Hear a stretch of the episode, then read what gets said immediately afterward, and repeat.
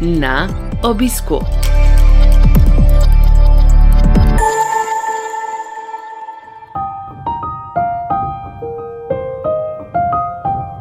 Dobrodošli v novi epizodi serije podkastov na obisku, ki nastaja v produkciji Slovenskega združenja bolnikov z limfomom in leukemijo. Lepo pozdravljeni v tokratnem podkastu na obisku, ki ga posvečamo državnemu programu obladovanja raka in sicer za obdobje 2022-2026.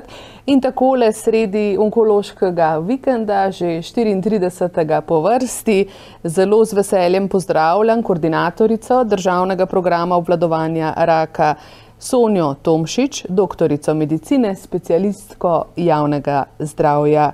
Doktorica Tomšič, lepo pozdravljeni. Lepo zdrav. Državni program obladovanja raka, ne le črka na papirju, program, ki teži k svoji lastni uresničitvi, k uresničitvi svojega osnovnega namena in ciljev. Kakšen je torej bil cilj, ko se je ta program načrtovalo, osnovalo tam davno, že 2010, in kaj so prioritete tega obdobja? Ja, pravzaprav namen uh, nekih takih strateških dokumentov je seveda, da se uh, v besedi in potem seveda tudi drži tistih zadev, za katere presodimo, da so prioritetne na nekem področju, se pravi z namenom izboljšanja zdravja. Uh, Um, že od samega začetka ima državni program obvladovanja raka nekako tri osnovne cilje in sicer zmanjševanje, povečevanje incidence raka, uh, povečevanje preživetja bolnikov z rakom in pa izboljševanje kakovosti življenja bolnikov z rakom. In pravzaprav vsak nadaljni dokument je nadgradnja. Uh, Se pravi, uh, tistega, kar smo že dosegli v preteklem obdobju, in postavimo si nove izzive, ki jih potem skušamo v čim večji meri izpolniti. Če mi dovolite, da se uh, ozreva korak, da nimo da v preteklost, pravite trije strateški cilji, se pravi zmanjšanje incidence, torej manj raka v prebivalstvu, manj tega bremena, boljše preživetje in lepše, kakovostnejše življenje bolnikov z rakom. Kaj bi rekli takole po 12 letih, kako smo s to pojavnostjo raka povsod raste, domnevam, da tudi pri nas. Ja, res je. Um, pojavnost raka raste, predvsem na račun staranja prebivalstva, kajti pač naše prebivalstvo se stara, uh, kar je seveda uh, dobro, pravzaprav to je nekaj, kar si želimo, pa vendar ne to pomeni, da uh, še vedno je rak Eh, bolezen, ki se v večji meri pojavlja pri starejših ljudeh, kar pomeni, če se prebivalstvo stara, pomeni, da bomo imeli tudi več uh, novih primerov raka v, v, v populaciji. Um, če pa želimo nekako uh, vsem primerjati, kako smo v nekem uh, časovnem obdobju uh, uspešni z uh, načini obvladovanja, moramo pa gledati starostno standardizirano stopnjo, tako imenovano, kjer nekako izničimo ta uh, element staranja populacije. Ne? Tam pa pravzaprav lahko tudi v slovenski populaciji opazimo, da smo bili v teh letih uspešni, kajti incidenca se, je, se pri ženskah ne povečuje več tako, tako močno, kot se je prej, pri moških se je pa pravzaprav celo trend obrnil na vzdolj. Govorim torej o starostno standardizirani um, incidenci vemo, kaj se je dogajalo, da nimo da zgodnim odkrivanjem v času vrhunca COVID-19. Je zdaj, pravzaprav, kar se je dogajalo med epidemijo COVID-a, zdaj težko komentiramo z prav solidnimi podatki, zato ker pač eh, podatke, ki jih zbiramo na področju raka, so uh, vedno malo za ostankom ravno, ravno zaradi tega, ker želimo zagotavljati kakovostne podatke. Uh, veste pa, da register raka je pač v celotnem obdobju spremljal preliminarne podatke oziroma v omejenem obsegu ne, in pač ja, tam se kaže, da nekako imamo en manjko um, novo odkritih rakov, za katere nas skrbi, ne, da verjetno so v populaciji, pa vendar jih še nismo odkrili. Um, zdaj, kar se pa tiče pač nekako celotnega tega 10-12 letnega obdobja, um, kot verjetno veste, ne približen polovica raka bi se dalo preprečiti z nekim zdravim načinom življenja oziroma pač z dejavniki, ki jih znamo poznamo in znamo preprečevati.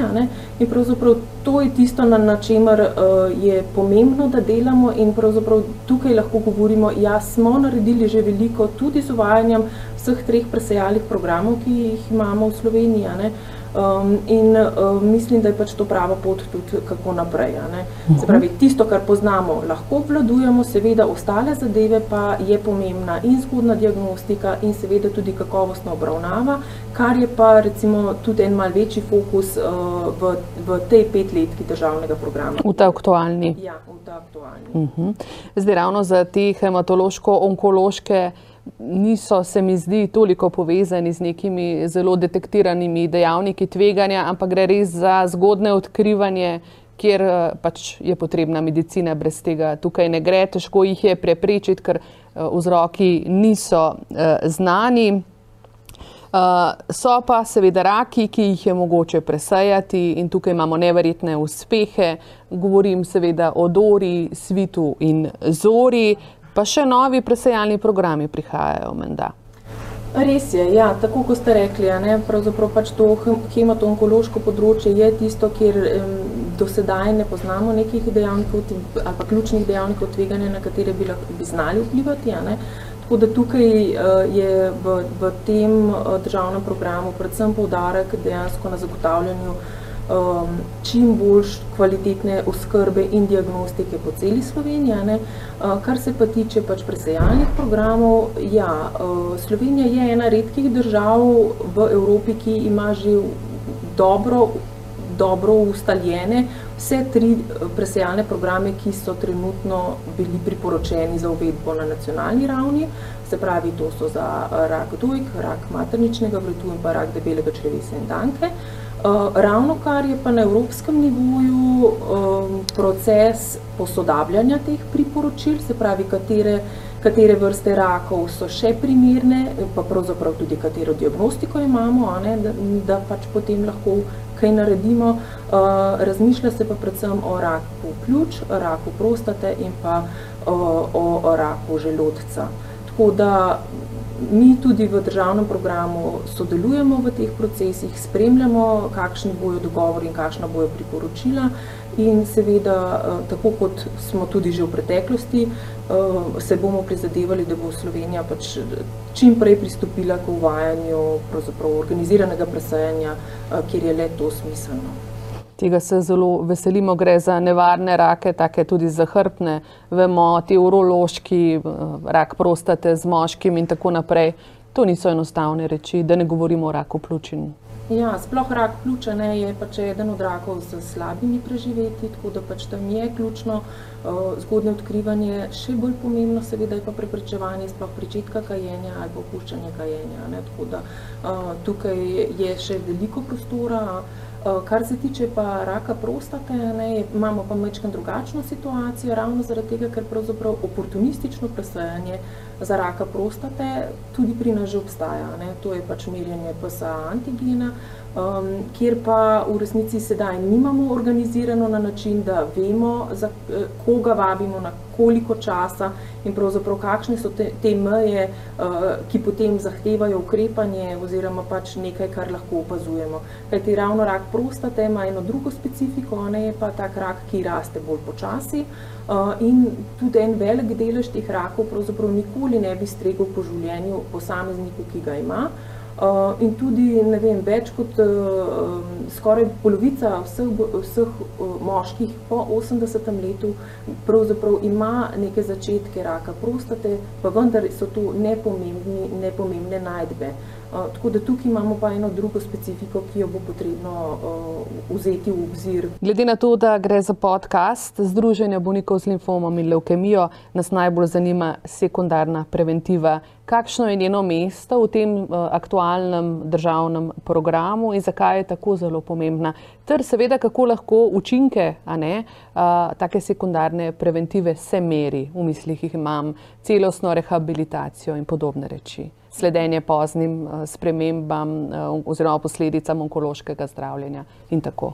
Aha, temu pravzaprav rečemo terciarna preventiva, to da vas mečkam poprava. Dobro, hvala. Ja, ravno v tem smislu se pravi, da, da, da je to že, ko je odkrita bolezen, se pravi v smislu pač izboljševanje kakovosti življenja in pravzaprav pač tudi um, pač nekako uh, dolgoročno izboljšanje um, za bolnike. Um, ja, tukaj nekako je predvideno, kot sem že prej omenila, se pravi najprej eh, poudarek na krepitvi enake dostopnosti že do diagnostike in zdravljenja po celi Sloveniji. Um, se pravi tako uh, v UKC Maribor, se pravi uh, krepitev neke te terciarne ravni, pa tudi po drugih regionalnih bolnišnicah.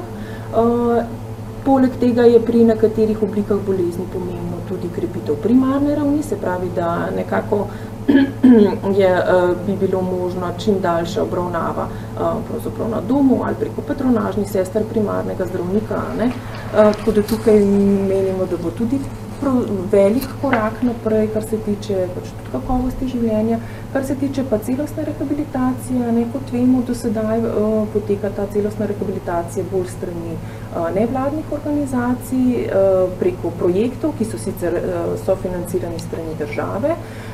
Ampak nekako naš cilj v državnem programu je, da stvari, ki so dobre, umestimo v sistemsko financiranje in pravzaprav jih omogočimo vsem bolnikom na enak način. Ne? Tako da tukaj je tudi ena od vizij, ki jo želimo uresničiti.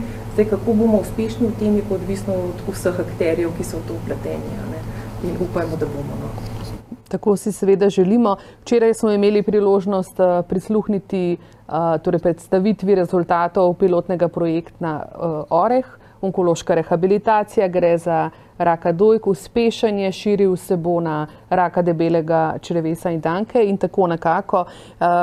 Dajte nam z vašega medicinskega vidika, prosim, pojasniti, zakaj so te celostne rehabilitacije tako zelo pomembne, pa ne si gre za bolnice z rakom dojk ali hematonkološke bolnike. Bolniki seveda sami že vejo, ker, ker jim je bolje, ker se bolje počutijo. Kaj pa medicina pravi? Ja, pravzaprav mogoče najprej omenim, zakaj, zakaj je tako težko delati na celostni rehabilitaciji. Predvsem zato, ker tukaj gre za povezovanje tako veliko različnih segmentov posameznikovega življenja, če temu tako rečemo. Ne. Tukaj ne gre samo za zdravstveno stroko, se pravi za striktno tisto medicinsko, ka, nekaj smo odstranili, neko zdravilo smo dali, ne, ampak pravzaprav uh, um, pomoč pri vklapljanju nazaj v vse, vse pore življenja. Mi pravimo nazaj v življenje. Ja, ja. od seveda družinskega življenja, socialnega življenja, aktivnega ja, življenja, se pravi poklic, neke poklicne rehabilitacije ali bodi si spremembe poklica ali, ali uh, tudi tukaj je ne zakonodaja je relativno um, toga v smislu pač postopnega vključevanja nazaj, ne, ker pač imamo neke oblike, ki so možne, morda bi pa za bolnika bile pač neke druge oblike bolj optimalne. Uh, tako da tukaj iz tega vidika uh, je zato ta celostna rehabilitacija relativno težka za izvajanje ne, ali pa je povezovanje različnih sektorjev potrebno. Ne. Kot vidimo pa iz medicinskega vidika je pa pravzaprav tudi uh, sam uspeh zdravljenja zelo odvisen od tega, koliko naslavljamo še vse, vse te druge segmente. Pravzaprav potem je manj zapletov, uh, hitrejše vračanje nazaj v aktivno življenje um, in pravzaprav je to tisto, kar si vsi želimo. Razumevanja tudi medicine tega bolnika celostno, kar si seveda prizadevamo, zagovorniki bolnikov za celostno obravnavo, še prej, v teku zdravljenja, že same diagnostike. Tukaj so sorodne reči, ta pogled širok. Ja, integrativen. Ja, zagotovo. Zato pravzaprav tudi recimo pristopi pri eh, tem pilotnem eh, projektu ORH, ki ste ga omenili, ne, um, pravzaprav segajo od same diagnoze dalje. Se pravi, ne da začnemo potem, ko je zdravljenje zaključeno, ampak pravzaprav že takoj. Um, da že naslavljamo pač neke stranske učinke zdravljenja uh, in jih skušamo preprečiti. Se pravi, da se sploh ne bi pojavljali ali pa da bi se pojavljali v neki manjši meri. Ne? Um, kajti vsi vemo, da pravzaprav tisto, kar je že razvito, je težko, težje, dražje um, in pravzaprav tudi bolj naporno, spreminjati nazaj, kot če pravzaprav zadevo preprečiš. Um, tako da tukaj zagotovo gre za, že za sam pristop ob sami diagnozi in potem pravzaprav tekom celotnega zdravljenja in tudi kasneje. Gotovo poznate tudi naš projekt celostne rehabilitacije skupaj na poti do zdravja. Nazaj v življenje že šesto leto se izvaja, pol leta traja strokovno strukturiran program, trije moduli, torej fizikalno-gibalni, psihološki za strokovnjaki z onkološkega inštituta in kliničnega oddelka za hematologijo. Torej, ta program sofinancira Ministrstvo za zdravje od samega začetka in seveda sodeluje Združenje hematologov Slovenije. Glede na to, da poznate različne te poskuse in prakse, zaenkrat še ne sistemsko urejene celostne rehabilitacije bolnikov z različnimi raki, kaj bi rekli, kako zelo pomembno je, da se to uredi sistemsko, nekaj ste že omenili, in seveda za vse skupine onkoloških bolnikov. Ja, menimo, da pravzaprav um, je na, na področju celostne rehabilitacije um, smo majčken zadej, no, kako naj temu rečem. Se pravi, ma, nekako uh, vidimo, da je še veliko korakov, ki jih lahko naredimo uh, in ki jih lahko pravzaprav umestimo v sistem tak, kot je.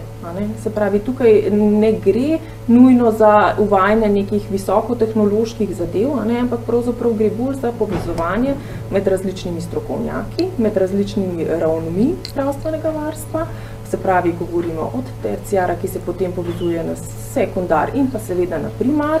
In seveda tukaj tudi pomembno vlogo imate nevladne organizacije ali pa organizacije bolnikov, ne, um, ker verjetno bomo težko znotraj sistema zagotovili čisto vse, sploh pa ne naenkrat, ne, tukaj pač zagotovo gre za neko postopno uvajanje. Um, Ven, pa vendar si želimo, da bi bilo to na voljo vsem, se pravi, ne glede na to, kje živiš, ne, ali, ker veste, da v velikih mestih je ve, veliko krat več možnosti, že ne vem, če rečemo za neko telesno dejavnost, organizirano ali pač ne vem, uh, tudi psihološko podporo ali podobno. Ne, uh, Eh, in pa seveda za, za različne vrste rakov. Se pravi, um, vemo, da so nekatere potrebe specifične za posamezne rake, ne? nekatere so pa seveda skupne. Tako da sploh pri teh skupnih uh, bi bilo zagotovo zelo smiselno, da pač jih razširimo na vse uh, vrste, se pravi na vse bolnike z različnimi vrstami rakov. Ne? V tej aktualni petletki, v tem programu DPOR, katerega koordinatorica ste in ki je, čeprav razumem, išel nekako izpod okrilja Ministrstva za zdravje na koordinacijo, da rečemo, onkološkega inštituta kot seveda glavnega onkološkega centra, tudi akreditiranega v Sloveniji. Tam notri sem prebrala, da torej konkretno za rehabilitacijo hematološko-onkoloških bolnikov ne bi tja enkrat do leta 26 pa se vendarle uredila reč sistemsko in se ta rehabilitacija prenesla v izvajanje na klinični oddelek za hematologijo. To so bili smeli načrti, veliko potezni, vse smo šele na začetku te petletke, pa vendarle, kako realne so te možnosti, si jih je moč obetati. Pravzaprav bi na ta odgovor zelo konkretno težko odgovorila, ne, ker eh, mislim, da nihče od nas ne ve, kaj bo čez pet let. Ne. Če bo še kakšna epidemija vmes ja, usekala, ja, uh, tega si ne želimo. Ja. Kakšne pač nepredvidene uh, zadeve, ki so pač lahko zunanje, ali pa boh ne da je še kaj drugega, kakšna epidemija. Ne. Recimo to, kar se v Ukrajini zdaj dogaja, veste, ali bo. um, torej, Eh, kar se tiče rehabilitacije eh, hematonkoloških bolnikov, ja, smo si zadali uh, jasne cilje. Zdaj, noter smo napisali, da se zadeva pač, da, da jo sedaj vidimo, da bi se nekako umestila na hematonkološki oddelek kliničnega centra. Uh, morda bo ideja še kako rasla, napredovala, da bo pač vključevala tudi druge akterje. Uh, moram pa reči, da pač glede na to, da imate tudi zva, se pravi, program iz vašega društva, že dolgoletno tradicijo in pravzaprav tudi module postavljene, mislim, da so pač kle obeti spodbudni, če temu tako rečem.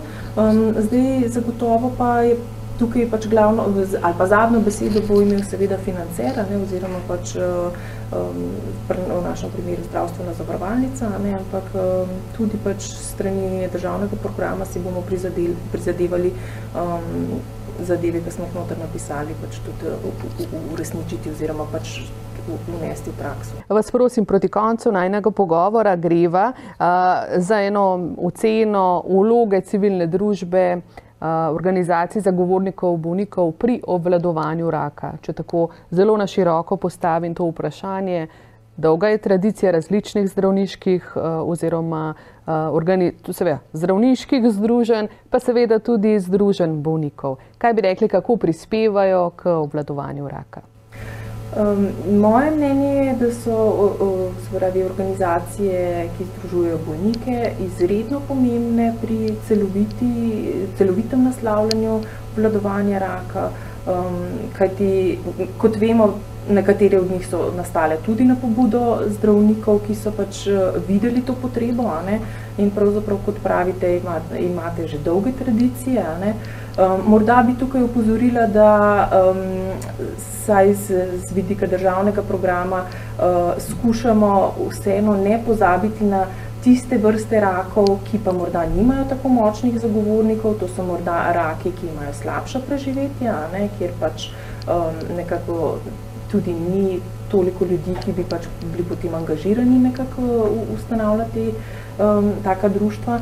In um, recimo to je eno od elementov, ki, ki jih, na katere smo pozorni, pa vendar um, zagotovo so tukaj uh, določeni elementi, um, ki jih lahko zagotavljate le bolnik, bolnik bolniku. Se pravi, uh, Mars, zdravniki pač nimamo osebne izkušnje bolezni, nimamo osebne izkušnje, kako krmariti skozi sistem. Recimo tukaj se mi zdi en pomemben element, kjer mislim, da je tudi um, bi bilo fino, da bi se tudi v tej smeri tudi društva bolj prizadevala, se pravi ravno, um, ravno v tem smislu, se pravi na koga se lahko kdaj obrnem, pa ne samo zdra, znotraj zdravstvenega sistema, pa pravzaprav tudi znotraj sociale, tudi znotraj pač poklicne, uh, poklicne zakonodaje in podobno. Um, zagotovo pač ste tudi v preteklih letih imeli števil, številne doprinose na področju nekih uh, informiranj različnih javnosti, od strokovnih javnosti, pa govorim lahko izven onkologije ali pa tudi onkologije, ne, se pravi v zdravstvenem sektorju, pa tudi širše, se pravi, uh, kar se tiče splošne javnosti. Uh, tako da Tukaj je veliko enih uh, področji, kjer vidim, da je pomembno sodelovanje, se pravi, tako zdravstvenega sistema in pa nevladnih organizacij. In vesela sem, da v resnici imamo veliko močnih društev, ki ste tudi na mednarodni ra na ravni prepoznani in pravzaprav tudi se vključujete um, na mednarodno ravni. Doktorica Sonja Tomšič, najlepša hvala, da ste si takole sredi te konference vzeli čas, z nami poklepetali, naj gredo vaši cilji, ne bojo čim prej uresničeni, da bo obvladovanje raka v Sloveniji čim bolj uspešno in da bodo bolniki a, imeli čim boljše izide bolezni. Hvala lepa. Najlepša hvala in se veselim nadaljnega sodelovanja tudi z, z različnimi družbami na tem področju. Hvala. v našo družbo vabljeni spet čez 14 dni. Naslišanje.